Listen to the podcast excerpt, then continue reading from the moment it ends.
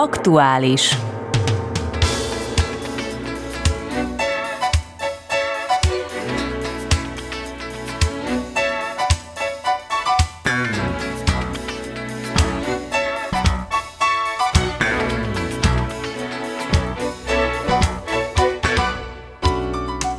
Jó napot kívánok a tisztelt hallgatóknak! 12 év után nagy változásokra került sor a nemzetiségi politikában, hiszen Horváth Ferenc, aki három-négy éves mandátumban volt a Muravidéki Magyar Önkormányzati Nemzeti Közösség tanácsának élén, nem jutott be az új tanácsba, és így lehetőségesen volt, hogy újrainduljon az elnöki posztért.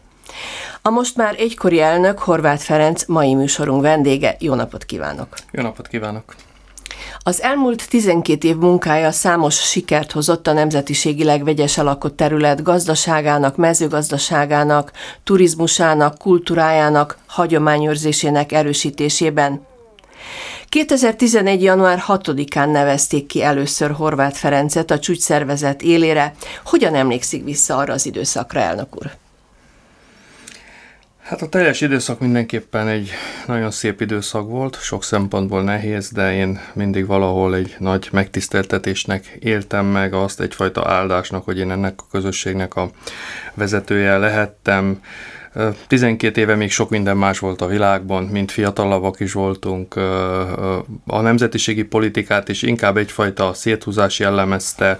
A két kormánynak sem volt ilyen pozitív hozzáállása a nemzetiségi kérdéshez, mármint a hozzáállás pozitív volt, de úgymond ilyen különböző projekt támogatásban ez kevésbé mutatkozott meg.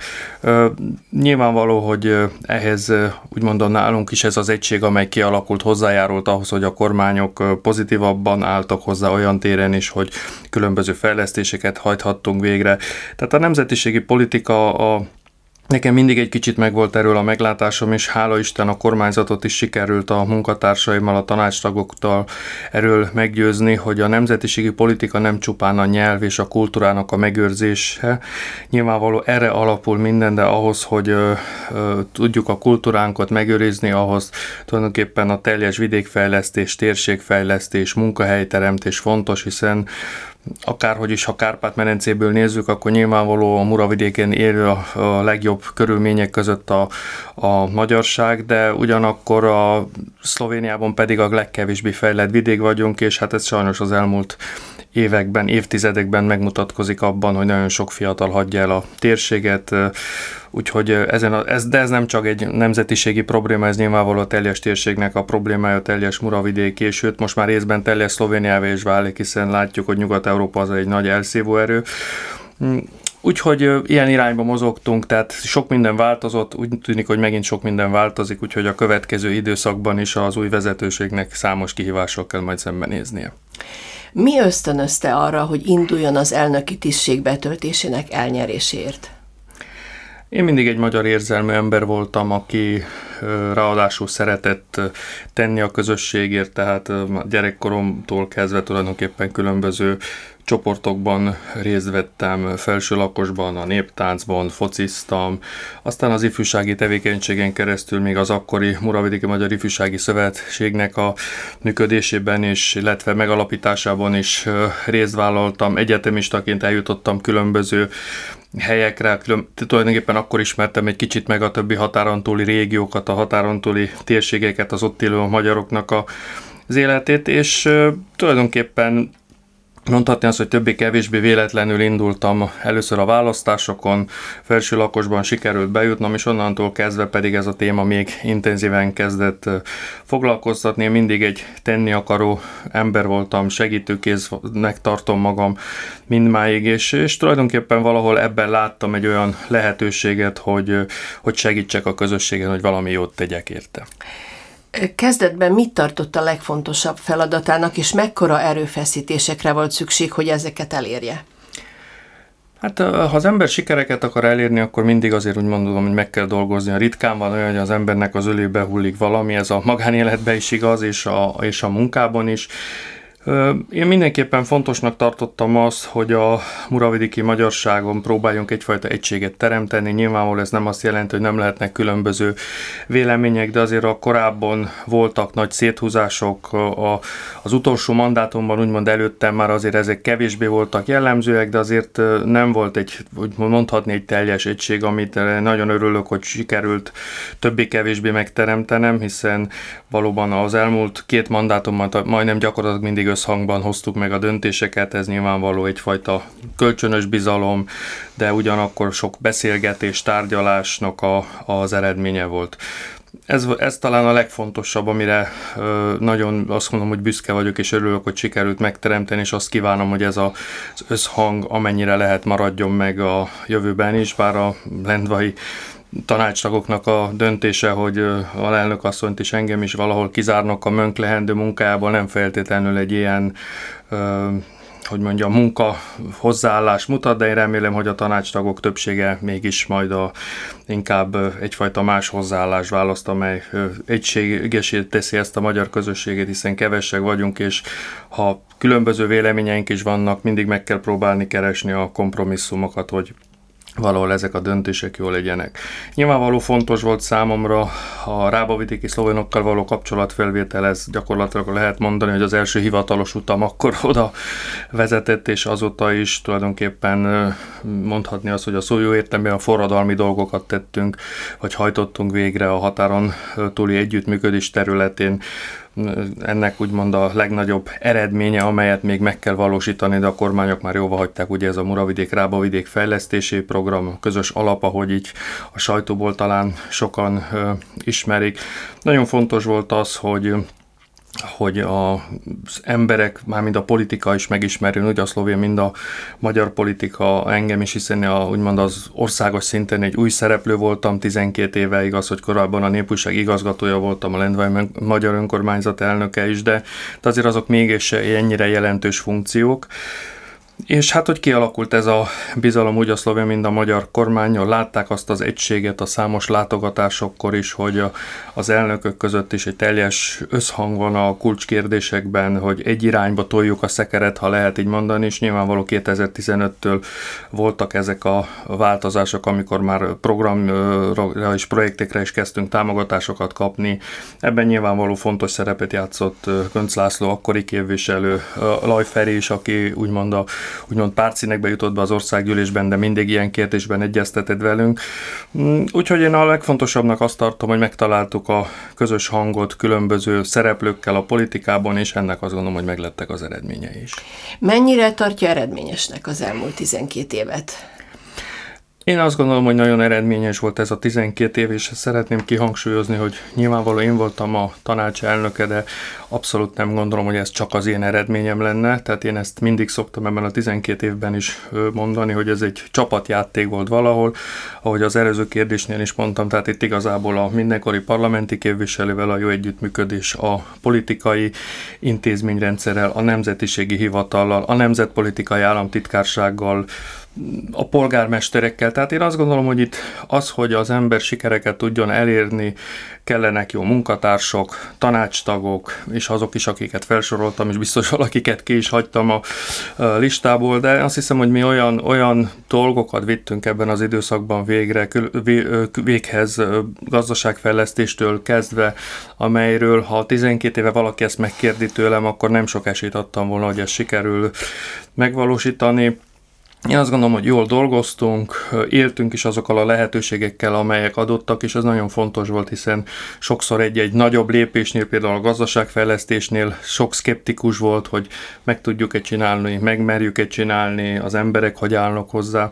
Én azt hiszem, hogy amit megtanultam a, ebben a 12 évben többek közt az is, hogy amikor a, úgymond a nagy politika részéről kínálkozik egy lehetőség, akkor azt bátran meg kell ragadni egy ilyen kis közösségnek is, hiszen van bennünk tudás, van bennünk erő, van bennünk akarat, ha pedig egy-egy szakember úgymond a nemzetiségi berkekből hiányzott, akkor mindig tudtunk máshonnan valakitnek úgymond a tudását igénybe venni, és ennek köszönhetően létre, jött létre az a stratégia, amelynek alapján tulajdonképpen az elmúlt években a, az a fejlődés elindult. Hadd mondjuk el, hogy 2011-ben a Muravidéki Magyar Önkormányzati Nemzeti Közösség költségvetése 330 ezer euró volt, és hat állandó alkalmazottal működött. 2022. decemberében a közösség folyószámláján 1 millió 810 ezer euró volt, az alkalmazottak száma 23-ra emelkedett. Annak ellenére, hogy vannak bírálói, a számok azért magukért beszélnek. A pénzek felhasználása átlátható, mindenről pontosan le tudnak számolni, ha esetleg valaki egy revíziót kezdeményez, akkor mi derülhet ki? Megítélésem szerint az, hogy a projektek a terv szerint voltak megvalósítva, mi erre mindig törekedtünk, a munkatársaimnak a figyelmét erre mindig külön fölhívtam, hogy az első az, hogy a törvényel összhangban dolgozzunk. Biztos, hogy voltak különböző hibák, akár egy könyvelésben, vagy, vagy egy-egy dologban, de hogy nem a törvényel, össz, hogy mindig a törvényel összhangban dolgoztunk, ez pedig teljesen biztos biztos, hogy lehetett volna másként is csinálni a feladatokat, mindenki másként áll volna hozzá egy-egy kérdéshez, illetve a közösség vezetéséhez, még szerencsé, hogy mindannyian különbözőek vagyunk és másként dolgozunk. Mondhatjuk azt is, hogy aki dolgozik, az hibákat is követel. Voltak ezek minden bizonyal, de azt el kell ismerni, hogy a gazdaság, a mezőgazdaság, a turizmus, az oktatás, a kultúra területére kiterjedő több mint száz kisebb-nagyobb projekt megvalósítása mögött azért nagyon komoly munka van. Igen, ahogy említettem, tehát azért ehhez egy komoly apparátus kellett úgymond fölépíteni, mozgatni, ahogy ön is említette, a költségvetés nem véletlen nőtt meg majdnem tízszeresére, hiszen most az elmúlt években 3 millió körüli a, a mönk bevétele, és ez mi nagyon fontos, hogy ez nagy mértékben úgymond visszaforgattuk a, az emberekbe, tehát nem önmagunk éltünk föl, a projektek mindig úgy voltak fölállítva, hogy új munkahelyeket is tudjunk teremteni, Nyilvánvaló az is fontos elmondani, hogy a költségvetésnek maximum 20%-a tevődik össze tulajdonképpen ilyen működési támogatásból, a többi az gyakorlatilag különböző projektekre épül, tehát a jövőben is, hogyha ezt a szintet kívánjuk tartani, vagy kívánja tartani az új vezetőség, akkor további projektekről kell majd valahol gondoskodni. Ugyanakkor pedig, a, amit hiányoltam ebben a 12 évben, nagyon kevés volt a konstruktív kritika. Tehát nyilvánvaló, hogy a, a kritika és a kritika között van különbség, hiszen ha valaki kritizálja ön, akár ön, mint újságírót, a nekem a releváns kritika akkor, hogyha elmondja, hogy mit kellett volna másképp vagy jobban csinálni. Tehát ilyen ötletet nem sokat kaptunk. Én azt hiszem, hogy kardinális hibát nem követtünk el, ahogy mondtam, a lehetőségekkel éltünk, megpróbáltuk ebből a legtöbbet kihozni. Ha úgy veszem, hogy a, a, a parlamenti választásokon a, az emberek kétszer is bizalmat szavaztak nekem jelentős többséggel, akkor valószínűleg ezt a munkát nem végeztettük rosszul. A projektek közül melyeket emelnék ki Horváth Ferenc? Biztos, hogy mindegyik említésre méltó, de annyi időnk nincs, hogy mindegyikről beszéljünk, mert ugye több mint százról van szó. Hát hála Isten válogathatunk azok közül, hogy kinek melyik volt a szimpatikusabb, és nyilvánvaló itt különböző szemszögök is vannak. Ha úgy vesszük, akkor a gazdaságfejlesztés volt az, amely mondjuk a magyar gazdaságfejlesztésből több mint 9 millió euróból 660 nyertes pályázat volt, tehát én mindenképpen azt gondolom, hogy így szinte majdnem minden uravidéki magyar családhoz valamilyen szinten eljutottunk. Akkor volt a Magyarul a Muravidéken, ahol ugye a magyarság tanulását ösztönöztük, ezt ugyan a pedagógus Egyesület valósította meg, de mi kezdeményeztük, akkor az óvodafejlesztési programok, akkor a szlovén gazdaságfejlesztési program, a falu program, ahol faluban először sikerült azt elérnünk egy kicsit a magyar úgymond program mintájára, a magyar falu program mintájára Magyarországon, hogy minden településhez eszközöket juttattunk különböző eszközökre. Akkor a, nyilvánvaló, hogy a székháznak a úgymond a megvalósítása lehet így, illetve az új közösségi háznak a létrejötte, a főkonzulátusnak a a megalakítása majdnem 20 éves vagy 15 éves, hát körülbelül 20 éves késéssel, ha jól, jól számolom.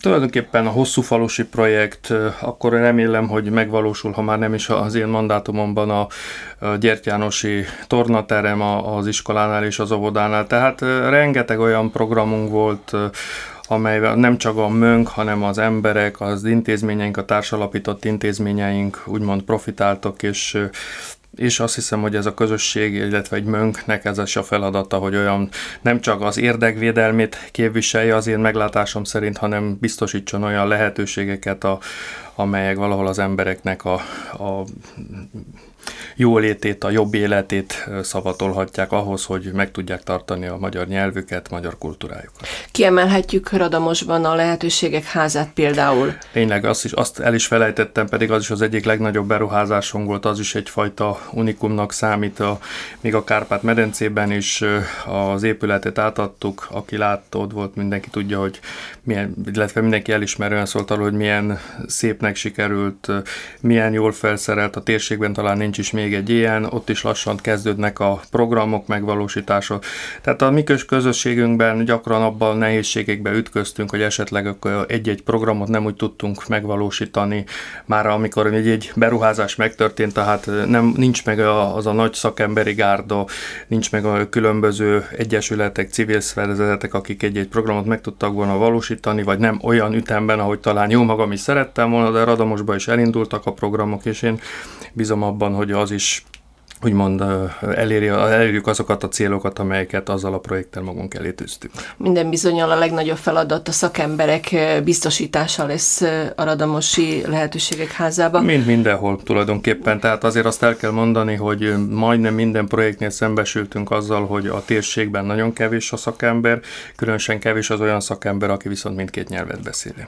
Igen, mert ugye legyünk őszinték, azért itt jó lenne, hogyha mindenki, minden, mind a két nyelvet, a szlovént és a magyart is Ez beszélni. Is. Habár ezt lehet, hogy nem fogjuk tudni majd biztosítani, de hát majd valahogy csak megoldódik. Aztán itt a Gyertyánosi tornaterem, amire ugyancsak megvan már a pénz, de ez most már a község beruházása lesz ilyen szempontból. Hát a szlovén törvények szerint a tulajdonos az, aki jogosult a beruházásra, ugye most azt hiszem, hogy két, lassan két éve lesz, amikor májusban aláírtuk ezt a megállapodást, ami gyakorlatilag másnap átutaltuk a községre ezt a 961 ezer eurót. Bizonyos tervezések ott történtek, volt egy közbeszerzés is, amely magasabb volt az a rendelkezésre álló összegnél. Én azért bízom abban, hogy ez a projekt megvalósul, hogy a, ha úgymond növelkedtek is a költség, hogy a község is annyit hozzá tud tenni, hiszen jó magam is még oda jártam óvodába, iskolába, és egy visszagondolva emlékszem arra, hogy azért akik Lendvá járnak, más feltételeik vannak, és ennek a tornateremnek is valahol az volt a célja, hogy a, a, az igazgatóknak is a kérését a saját tapasztalatomból is tudva megpróbáltuk ennek eleget tenni. Tehát mondhatni azt, hogy minden projektre ez volt a jellemző, hogy amikor valaminek nekivágtunk, akkor valahol meghallottuk a különböző igényeket, a különböző elvárásokat, és ennek, ennek szellemében léptünk. Aztán ugye itt van, a, említette már Horváth úr, hogy a gazdaságfejlesztési minisztérium által biztosított, a gazdaságfejlesztési programra biztosított támogatás. Ugye 2017 és 2020 között 2,1 millió eurót biztosítottak, 2021 és 2024 között pedig 2,8 millió euró az, ami eddig megígért 32 projektet és 20 új munkahelyet tudtak ebből biztosítani. Ennek is nagyon nagy a jelentősége. A, valóban, de ez csak úgymond az egyik része, ha lehet így mondani, hiszen nyilvánvaló ez az, amely úgymond a, a kifele szól, ha mondhatni így a vállalkozóknak, hiszen ennek a projektnek is ugye több lábon áll, ez egyik ez volt pont az, hogy tudjuk a vállalkozókat támogatni. Szerencsére itt is minden évben sokszorosa volt a jelentkezők száma, ami azt mutatja, hogy az ilyen jellegű támogatásokra szükség van, és én örülök annak, hogy ilyen a viszony. Nyilvánvaló a törvény kimondja, hogy a programot majd folytatni lehet, míg most gyakorlatilag majdnem két évünk van visszamenő, vissza a programból, vagy a végéig. Pont az országgyűlésben el is tartunk egy olyan bemutatás, hiszen fontosnak tartjuk, hogy mind jó gyakorlatot bemutatjuk, és mert valahol a jövőre vagy az idei évben legkésőbb már el is kell kezdeni a, úgymond az új programnak az elkészítését, hogy a kormány ezt elfogadja, remélem, hogy sikerül ehhez majd magasabb összeget is tenni, de ugyanakkor itt nem szabad elfelejteni, hogy a tájházok jelentős része ebből a forrásból épült meg, a Bánfi központnak a felújítása, számos olyan kiadványt készítettünk el, amely azt gondolom, hogy párját nem nagyon találja, még a Kárpát-medencében sem. Van egy olyan honlapunk, amely tényleg egyedül állja a Kárpát-medencében, munkahelyeket sikerült teremtenünk. Tehát én ez, ez a program is több összetevőből állt össze, és azt gondolom, hogy minden centet gyakorlatilag jó szívvel vissza tudunk igazolni, hogy hogyan történt még ezeknek a felhasználása. Aztán itt a buszprogram, ugye a két kis vonat kérdése, ami most már ugyancsak húzódik, most mosolygunk mind a ketten, de tudjuk, hogy miért, mert hát ugye valahogy nem sikerült ezeket a vonatokat útra állítani. Hát igen, a közbeszerzést, amikor meghirdettük, akkor a magyarországi cég jelentkezett, megtörtént a kiválasztás, elkészítették a vonatokat gyakorlatilag a, időre, és hát most már tavaly májusban, ha jól emlékszem, vagy júniusban kerültek ezek a Muravidékre, és mi nagy örömmel szerettük volna azokat úgymond bevetni, tehát felhasználni, de hát a regisztrációnál különböző gondok merültek fel, hiszen a szlovén hatóságok hát különböző más elné, eltérő mond, mondhatni az, hogy szabályzatok alapján regisztrálják ezeket a járműveket. Hát azóta milliónyi intenzív megbeszélés volt, levélváltás. Most úgy tűnik, hogy talán eljutottunk oda addig a pontig, legalábbis ezt mondták a kollégák, hogy, hogy a rövidesen ezek a vonatok is végre úgymond üzembe lehetnek állítva. Ugye ebből a úgynevezett buszprogramból két vonatot vásároltunk, az egyiknek az volt a célja, hogy a goricskói térséget és azt az őrségi részt kösse egybe, tehát nyilvánvaló egyrészt utazás szempontból, másrészt turisztikai szempontból, a második vonat Dobronakra volt számva, de a, har- a harmadik dolog, amit pedig ebből vásároltunk, az egy kombi, ezt használja a közösség, különböző egyesületeknek is kölcsön szoktuk adni, hogy ezzel is segítsük a munkájukat. Tehát valahol mindenképpen azt szerettük volna ezzel a programmal elérni, hogy tudjuk, hogyha a Muravidéken az emberek nincs autója, vagy kerékpárral, ha tud esetleg még mozogni, de nagyobb távokra már, már nehezebben, hogy akkor valahogy ezt a körforgást ezen a téren is megvalósítsuk ebben a úgymond a határmenti térségben, és a teljes Muravidéken belül, és nyilvánvaló, hogy ezeket a vonatokat mondjuk egy nemzeti vágtán, vagy ilyen nagyobb jellegű rendezvényeken is, mind attrakció mindig úgymond be lehet vetni, hiszen az emberek szeretnek ilyenkor kicsit körülnézni, kicsit vonatozni, tehát több célja volt ennek a projektnek is. Az egyik legnagyobb beruházása vagy projektje a Muravidéki Magyar Önkormányzati Nemzeti Közösségnek a hosszúfalusi diákszálló és a vendégfogadó létrehozása. Ugye most ott folyik a munka, tehát azért még rengeteg munka várott az új vezetőségre is, illetve az új tanácsra, hogyha a tanácsot is belevesszük. Meddig jutottak, illetve voltak, akik kifogásolták azt is, hogy túl drágán vette meg akkora a közösség azt a, az épületet, aztán kiderült, hogy sok nagyobb felújításra van szükség, mint amire számítottak. Mit tudunk erről mondani? Hát erről azt tudom mondani, hogy ez is, amikor először tanácstag lettem a, a Mönkben, és az már azt hiszem, hogy az ötödik, vagy öttel visszamenőlegi mandátumban, lehet így mondani, már akkor fölmerült ez a kérdés, hogy kellene egy ilyen diák otthon. Ez számtalanszor napirendre került, körülbelül négy éve sikerült tele olyan komoly forrásokat találni, vagy illetve lehetőséget, mi akkor megvásároltuk ezt az ingatlant, megvolt rá gyakorlatilag a teljes keretösszeg, amelyet a tervezők úgymond terveztek ennek a felújítására, és akkor mivel ezt a kormányzattal is erről beszéltünk, ugye ez magyar, magyar forrásból, igen, valósítjuk meg ezt a programot, vagy valósít, lesz megvalósítva, akkor fölmerült az az ötlet, hogy akkor inkább hajtsunk végre egy nagyobb, nagyobb beruházást, nagyobb felújítást, hiszen amilyen állapotban volt, gyakorlatilag lehetett volna tovább működtetni, de mindenképpen akkor az volt az elképzelés, hogy akkor legyen ez tényleg most egy komolyabb felújítás, és akkor ha szerencsénk van, akkor akár évtizedig, vagy akár hosszabb ideig nem kell majd hozzányúlni. Amikor ennek neki láttunk, akkor beköszöntött úgymond egy kicsit ez a gazdasági krízis olyan értelemben, hogy az építőiparban az árok, zárok elszálltak, ettől függetlenül a a, arra a részre megvan a teljes összeg, sőt, sőt ennél nagyobb összeg áll már a rendelkezésre a, a mönknek a számláján, amely úgymond a szálláshelyeknek a felújítására van szándva, ez, ahogy ön is említette, a munkálatok ott zajlanak, és előreláthatólag március végéig legkésőbb ezek a, ez a felújítás, illetve ez a beruházás befejeződik.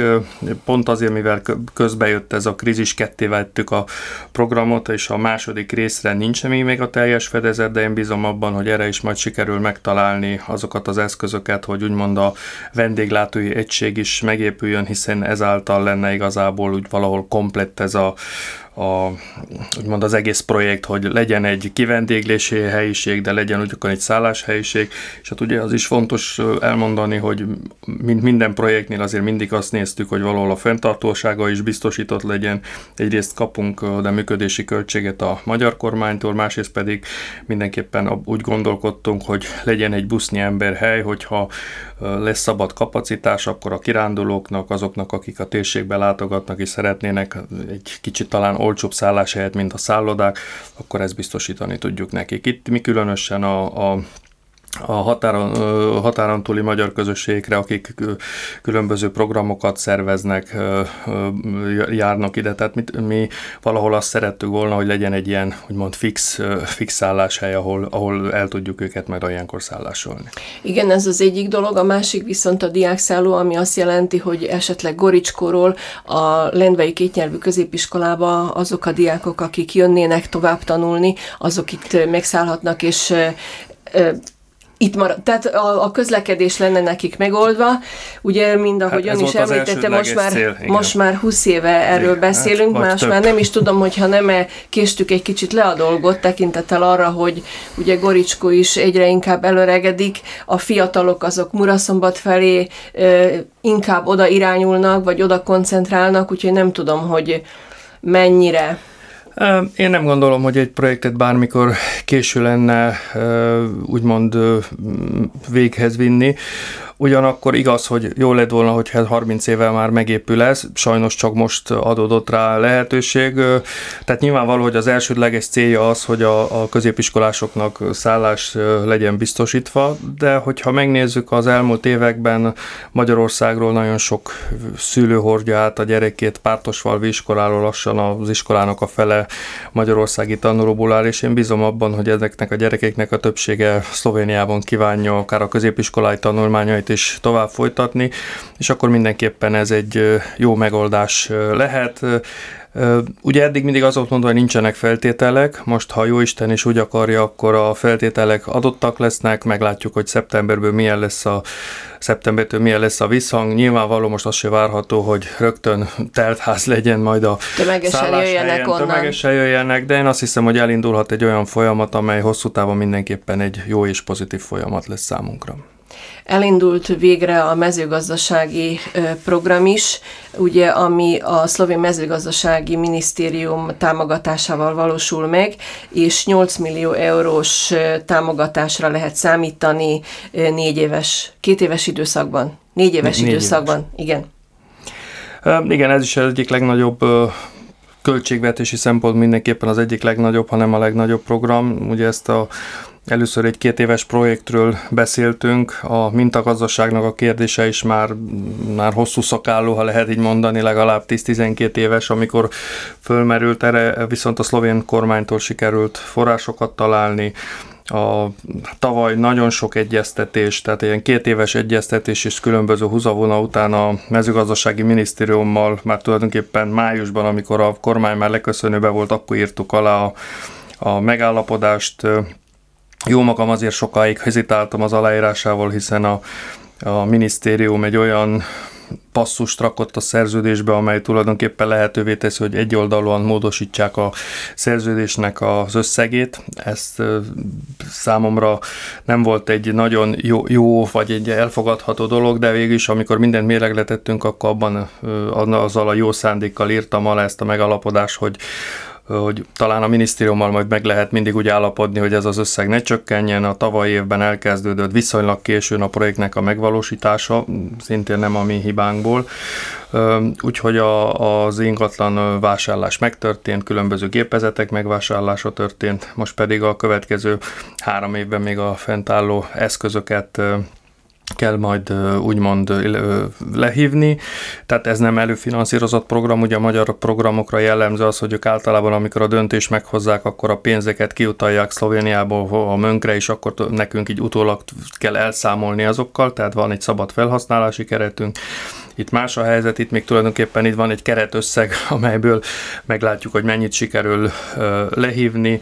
Nyilvánvaló, hogy egy nagyon bonyolult program, nem csak úgymond mezőgazdasági szempontból, hiszen nyilvánvaló ezen a téren is ez egy újdonságnak számít, hanem tudjuk, hogy a mai világban milyen lassan zajlanak egy-egy beruházás megvalósítás, hogyha valahol egy felújítás, különböző engedélyek beszerzése, például hosszú falonál is több mint egy év eltelt, hogy úgymond az ingatlant megvásároltuk, és így sikerült minden a papírológiát úgy, úgy rendezünk, hogy tulajdonképpen elkezdhettük a munkálatokat, úgyhogy ez is egy nagyon, nagyon komplex, egy nagyon nehéz feladat, de itt is valahol az volt a fő cél és szándék, hogy a mezőgazdaságban tevékenykedőknek, a mezőgazdasággal foglalkozó személyeknek lehetőséget biztosítsunk arra, hogy úgymond tovább lépjenek. Itt nem pénzeszközök voltak előre látva, hiszen a törvény ezt nem engedélyezte, hanem például akik ültetvényekkel foglalkoznak, tehát itt a, a spárga, az asztali szőlő, különböző zöldségek és gyümölcsöknek a, a termelésére van a hangsúly.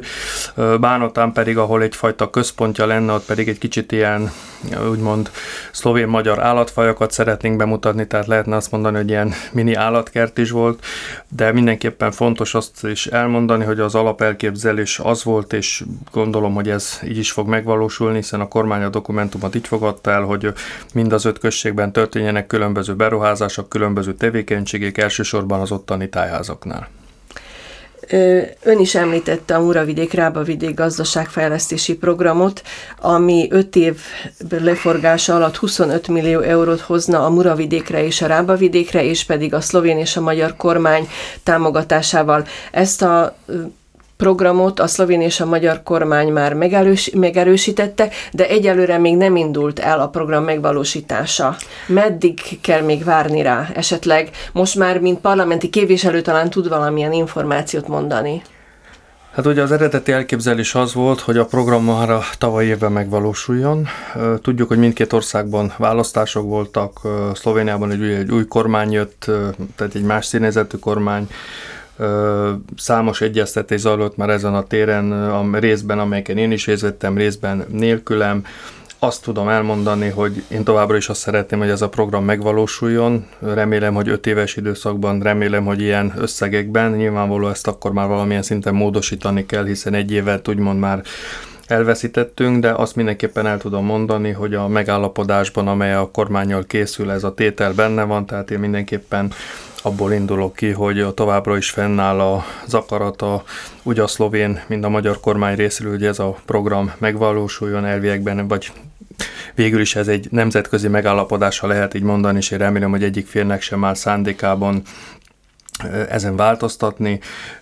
Ha a kormányzat komolyan gondolja azt, hogy a muravidéki magyarságon és a rábavidéki szlovéneken segítsen, akkor szerintem ilyen programok nélkülözhetetlenek, hiszen a rábavidéki szlovének is nehéz gazdasági helyzetben vannak olyan szempontból, hogy Ausztria közelsége ott talán még nehezíti a dolgukat, nehezebbé teszi a dolgokat, mint nekünk. Úgyhogy én bízom benne, hogy az idei évben sikerül úgy elén nekiállni ennek a kérdésnek, hogy az év második felében már az első pályázati pénzek úgymond lehívhatóak lesznek. Én szeretném azt kihangsúlyozni, hogy itt ugye a Muraba EGTC-t láttuk elő, mint lebonyolítót, de mindenképpen fontos azt kihangsúlyozni, és ezt a két miniszterelnök is elmondta, hogy ez a Muravidiki magyar közösségek és a Rábavidiki szlovén közösségnek szánt eszközök. Szó esett már akkor a főkonzulátus létrehozásáról, valamint a Magyar Központ létrehozásáról itt Lendván.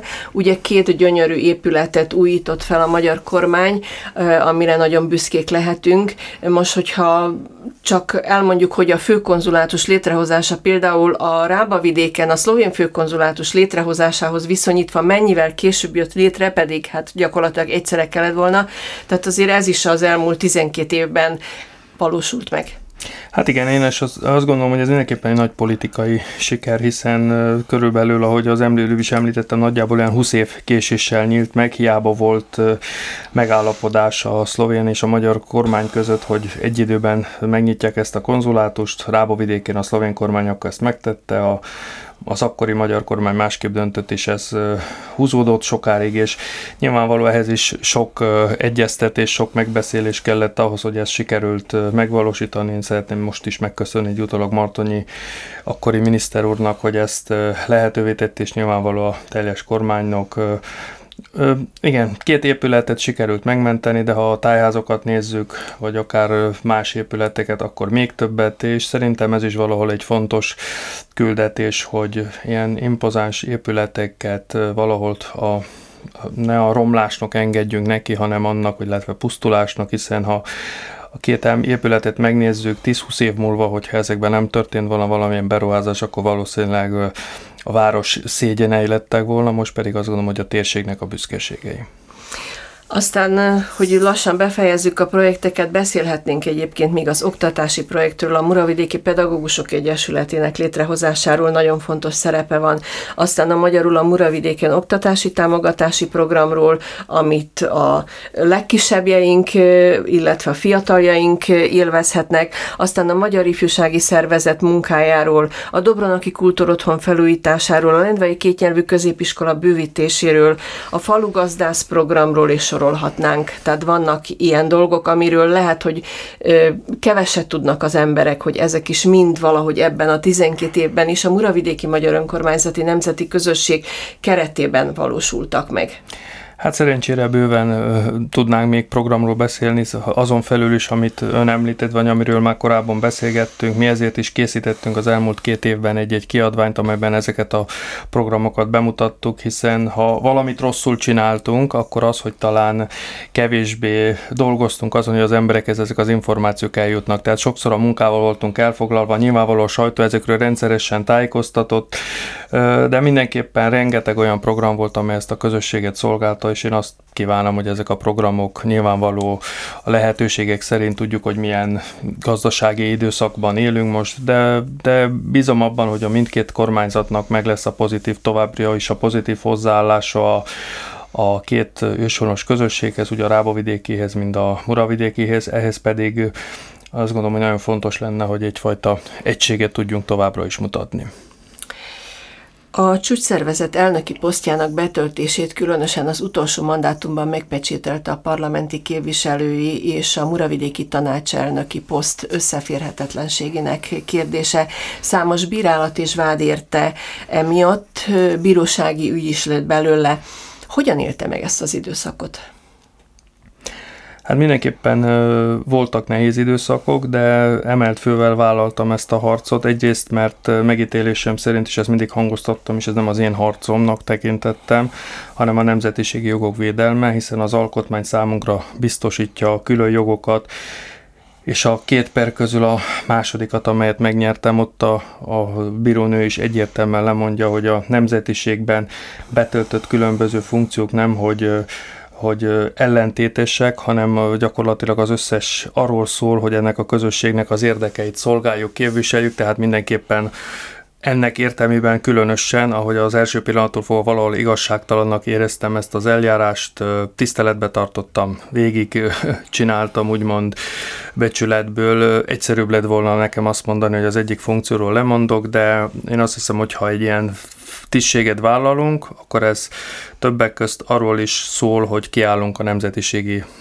érdekek mellett, és a nemzetiségi képviselődnek a megválasztása, vagy a mönkelnöknek a megválasztása, hogyha az emberek úgy döntenek, akkor azt gondolom, hogy ezt valahol tiszteletben kell tartani. Tehát ezt egy fajta politikai játszmának is tekintek erre, látom, hogy most az olaszoknál is hasonló kezdeményezések vannak, tehát nyilvánvaló minden országban vannak olyan struktúrák, hogy fogalmazzak így, hogy olyan személyek, akiknek nem feltétlenül érdekük az, hogy a magyar közösségben és az olasz közösségben egység legyen, hogy legyen egy olyan vezető, aki valahol meghatározza ennek a közösségnek az irányvonalát, aki elfogadott, aki sikeres ezzel a közösséggel. Úgyhogy én, ha változtatni, ha most visszaként lehetne menni az időben, akkor is vállalnám ezt a harcot, mivel úgy érzem, hogy a, továbbra is azt érzem, és sőt, biztos vagyok benne, hogy ez a közösségről szóló harc, és nem, nem az én harcom, én csak ennek, mint úgymond zászlóvévője voltam, és vagyok. Többen mondták, ugye tudjuk, hogy volt egy büntetés, hogy így mondjuk, amit meg kellett fizetnie, hogy az már rámutat egy kicsit arra, hogy talán mégis az összeférhetetlenség. Nem, itt két dologról van szó. Tehát az emberek nagyon szeretnek sokszor talán úgy kicsit felületesen, és az újságírók is néha talán nem teljesen precízen tudósítottak egy-egy dologról. Hogy a KPK indított ellenem egy eljárást. A KPK-nak a jogköre a törvény szerint addig terjed, hogy ők kimondják azt, hogy összeférhetetlen egy funkció, nekem erre jogom van úgymond bíróságilag is reagálnom, illetve a, vagy, vagy az ő elvárásaiknak úgymond eleget tenne. Mivel én nem tettem eleget az ő elvárásaiknak, a KPK-nak tulajdonképpen a funkciója ott fejeződik be, illetve a tevékenysége, hogy ha valaki nem tesz eleget az ők felhívásának, akkor egy 1000 eurós bírságot szabnak ki.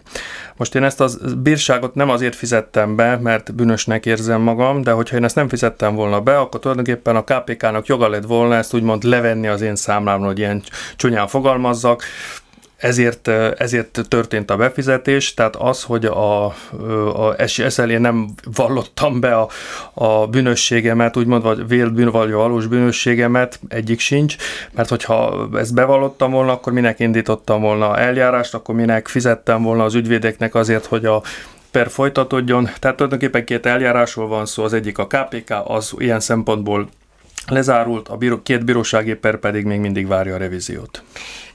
Azt szeretném még kérdezni, ugye most, mint parlamenti képviselő, tehát ez a kérdés nem tisztázott a törvényben. Mint parlamenti képviselő nem fogja kezdeményezni, hogy a közeljövőben ilyen dolgok nem erüljenek fel, vagy ilyen kérdések ne pecsételjék meg akár a muravidéki közösséget, illetve annak az elnökét, vagy a parlamenti képviselőit, hogy ne kelljen ilyen dolgokkal foglalkozni, amire gyakorlatilag nincs szükségünk.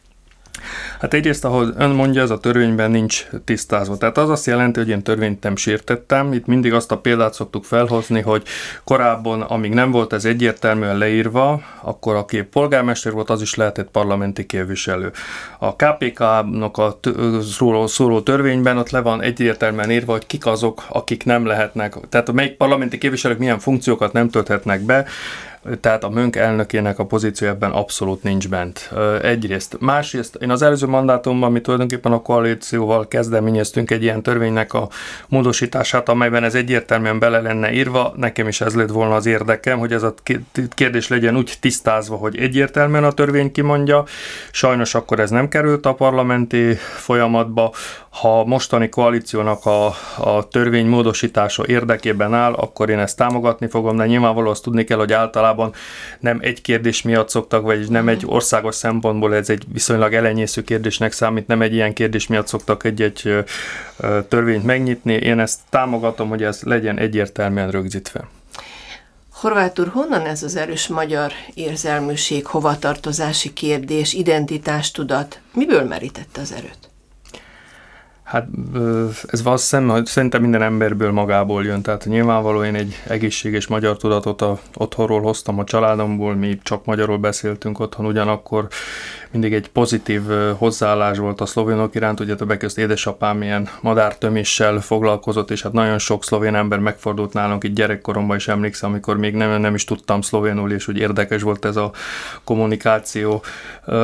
És hát ahogy az ember nő fel, ahol különböző dolgok megérintik, meglátják, amikor meghallja a himnuszt, például nekem mindig borsozik a bőröm a szó jó értelmében, olyan jó, jó érzés hatált, amikor hallom a magyar himnuszt, és ez valahol így alakult ki bennem. Tehát én mindig ezt vállaltam, hogy büszkén, hogy én, én nagyon magyar érzelmű ember vagyok, talán a, nem csak talán, hanem biztos a, a megérzéseim még erősebbek talán, mint ahogy ezt a nemzetiségi politikában is megmutatkozott, mert ott mindig valahol a, a, próbáltam azt figyelembe venni, hogy az embereknek mi az igénye, tehát soha nem erőltettük például, hogy valakinek magyarul kell ilyen írni a nevét, vagy legalábbis én nem erőltettem, vagy különböző ilyen jellegű dolgokat. Tehát mindenképpen fontosnak tartottam azt, hogy a magyarságát mindenki úgy élje meg, ahogy szeretné. A közösségnek volt egy magyar tudata ennek a közösségnek, és, és én remélem, hogy ez a jövőben is így lesz.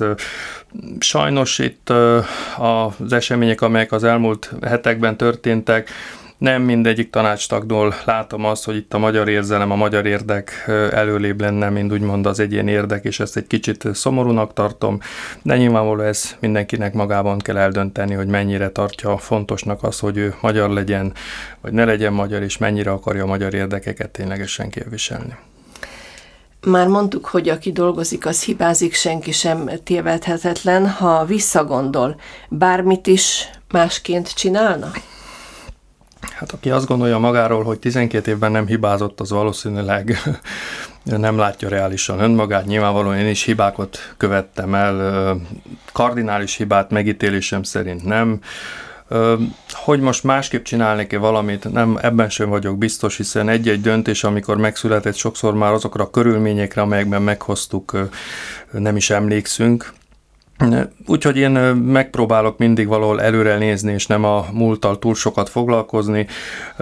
Nyilvánvaló mindig lehetne másképp, mindig lehetne más döntéseket hozni.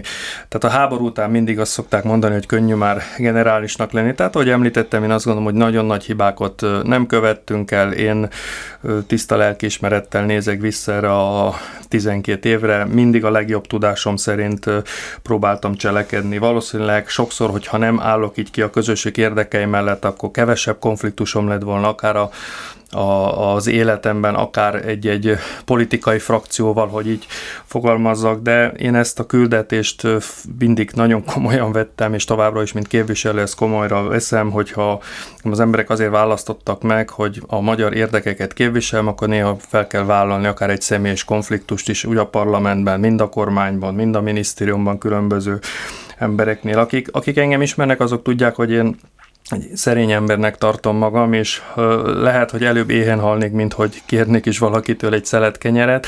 Amikor viszont a közösség érdekeiről van szó, akkor ott azt szokták mondani, hogy az ajtónak kidobnak, akkor visszamászok az ablakon, és ez is nagyon fontos, hogy az embernek nem szabad, úgymond már az első akadálynál meghátrálnia, hiszen, hiszen sokan talán azt gondolják, hogy most ilyen, úgymond a kormányoknak nagyon pozitív volt a hozzáállása, ami önmagába véve igaz, de azért ahhoz, hogy eredményeket tudtunk elérni, hogy projekteket tudtunk lehívni, megvalósítani, tehát ehhez kellettünk mi is, kellettek a mi elképzeléseink, a mi kitartásunk, a mi meggyőződésünk önmagunkban, hogy ezt meg tudjuk csinálni, és az, hogy mi meg tudtuk a kormányzatot győzni arról, hogy erre ez a kis közösség képes. Sok szkeptikus volt, nem csak barátaink voltak se Ljubljanában, sem Budapesten, ezt is mindig el kell mondani, de azt gondolom, hogy a kitartás a, a az egy fontos erény, és szerintem ezt is valahol a családból hozom, és, és én örülök annak, hogy, hogy olyan munkatársakkal, olyan tanácstagokkal, különösen az elnökökkel sikerült körülvenni magamat, akik ebben a munkámban mindig segítettek, akikben megbízhattam, és közösen ilyen sikereket tudtunk elérni. Hogy ez valakinek tetszik, vagy nem, az elmúlt mandátum az egyik legsikeresebbnek mondható a Moravidéki Magyar Közösség történetében, és ez Horváth Ferencnek és csapatának köszönhető, mind ahogy Horváth úr is mondta, az új tanácsnak magasra állították a mércét. Mit kíván utódjának, az új elnöknek és segítőinek, mit kíván eddigi munkatársainak? Hát az eddigi munkatársaimnak egyrészt szeretném megköszönni a munkát. Köszönöm azt, hogy részben valamely, val, néhányukkal akár 12 évig együtt húztuk az igát. Néhányan később csatlakoztak a, a csapathoz, és azt kívánom, hogy az új elnököt, az új vezetőséget is segítsék. Az új elnöknek pedig azt kívánom, hogy ne hagyja, hogy úgy mondom, most különböző nyomások alá kerüljön, hiszen nyilvánvaló, hogy akarva akaraton ilyenkor mindig az előddel hasonlítják az embert. Én is milliószor megkaptam ezt a kérdést, amikor képviselő lettem, hogy most én mit fogok másképp csinálni, mint Göncászó, vagy mit fogok másképp csinálni, mint Kocó József, amikor elnök lettem. Én azt kívánom neki, hogy járja a saját utát, útját, legyenek meg a saját elképzelései, és cselekedjen a Muralviki Magyar Közösség érdekében. Ő ezt eddig is Domon ahogy tudjuk a munkáját, így végezte, alelnök volt, tehát jól ismerem Orbán Dusánt, és én azt kívánom neki, hogy sikerüljön neki a saját elképzeléseit megvalósítani. Nyilvánvaló, hogy én, mint országgyűlési képviselő, ebben nyilvánvaló a saját kompetenciáimat nem meghaladva segíteni fogom, hiszen ennek a magyar közösségnek az az érdeke, hogy a mindenkori országgyűlési képviselő és a mindenkori mönkelnök gyakorlatilag legalább kifele közös hangokat üssön meg, ha vantak, vagy lesznek is bizonyos nézeteltérések, bizonyos kérdésekben, ezt azt gondolom, hogy ezt nem a nyilvánosság előtt, hanem zárt ajtók mögött kell megtárgyalni. Tehát én azt hiszem, hogy nagyon jó példa arra, hogy Gönc László, mint országgyűlési képviselő, és én is, mint mönkelnök ezt mindig hogy tudtuk kezelni, tehát kifele gyakorlatilag mindig egységesen léptünk fel, és, és ez a politikában nagyon fontos, hogy az emberek lássák, hogy nem arról szól, hogy egymással vitatkoznak, hanem arról, hogy megpróbálják mindkettő a saját pozíciójában is a legjobbat tenni ezért a közösségért. Horváth Ferenc tehát már nem elnök a Muravidéki Magyar Önkormányzati Nemzeti Közösségnek, de Nemzetiségi Országgyűlési képviselő és tagja a Lendbaközségi Magyar Nemzeti Önkormányzati Közösség tanácsának, ami azt jelenti, hogy marad a nemzetiségi politikában. Éppen a Lendvai Magyar Önkormányzatban következett be a választások után a legnagyobb változás, az új tagoktól nem kapott elég szavazatot, hogy bejusson a Muravidéki Tanácsba. Mekkora az esélye az együttműködésnek a Lendvai Tanácsban? Hát ezt azoktól kellene megkérdezni, akik úgymond kizártak a, a mönkből, ha lehet így mondani, akik ezt a pucsot végrehajtották. Részemről ez továbbra is nyitott, tehát hogy, hogy én említettem már, tehát én mindig úgy élek meg egy ilyen bizalmat a szavazóktól, és ezt most is megkaptam, hogy a közösségért kell tevékenykedni, és nyilvánvaló, hogy egy közösségben, akár a mönkben is mindig voltak, meg vannak, meg lesznek is viták, hiszen minden ember másképp gondolkodik, de ezeket a vitákat és az egy egyéni személyes érdekeket úgymond nem szabadna az előtérbe helyezni. Én különben ettől a hét embertől várom azt, hogy legyen egy aktív, innovatív elképzelései a közösség számára, mutassák meg, hogy ők miért nem szerettek volna igazából azt, hogy tovább tevékenykedjek a Mönk tanácsában, és hát én remélem, hogy valahol ezzel az ő aktív tevékenységükkel, olyan korszakalkotó ötletekkel majd valahol igazolni fogják ezt a döntésüket. Részemről az együttműködésre mindig mindenkivel nyitott voltam a múltban, és leszek is, aki azt látom, hogy valahol ezt a közösséget szolgálja. Volt elnökként, mit kíván a Muravidéki Magyar Közösségnek, Hodostól Pincéig? Hát elsősorban azt, hogy maradjanak egységesek. Nagyon sok embertől hallom most, hogy kommentálják ezeket a történteket. Teljesen nyilvánvaló, hogy az emberek erről beszélnek, van akinek ilyen véleménye van, van akinek olyan véleménye van. Én nagyon remélem azt, hogy ez a politikai játszma, vagy ez a politika nem fogja az emberek közötti jó viszonyokat úgymond felbontani. Tehát nagyon jó érzés volt azt látni az elmúlt években, hogy a különböző települések eljártak egymáshoz, különböző különböző versenyekre, különböző rendezvényekre, amire a múltban nem volt szó, tehát most, vagy nem volt, kevésebb példa volt, itt most gondolok elsősorban egy Goricsko és Lendva viszonylatában, és én azt szeretném, hogy maradjanak egységesek, támogassák az új vezetőséget, hiszen valahol ez a közös érdekünk, és azt kívánom, hogy legyen egy sikeresebb elnök ennek a közösségnek, mint én voltam, hiszen az azt jelenti, hogy akkor tulajdonképpen további programokat, további projekteket tudunk itt a térségben megvalósítani, és valahol így is hozzájárulni, hogy megmaradjunk itt a Muravidéken magyarnak. Horváth Ferenc, köszönöm szépen a beszélgetést, sok sikert, eredményes munkát kívánok a következő években is, és ehhez nagyon jó egészséget. Köszönöm szépen a lehetőséget. Az önnel készített következő beszélgetést már parlamenti képviselői szerepkörben ejtjük majd meg legközelebb. Tisztelt hallgatóink, Önök a Muravidéki Magyar Rádió aktuális című műsorát hallották, szerkesztette és a beszélgetést vezette Fehér Ilona, a hangtechnikus Györkös Gorán volt. Köszönjük figyelmüket, ezzel az adással egy hét múlva jelentkezünk újra. Viszont hallásra!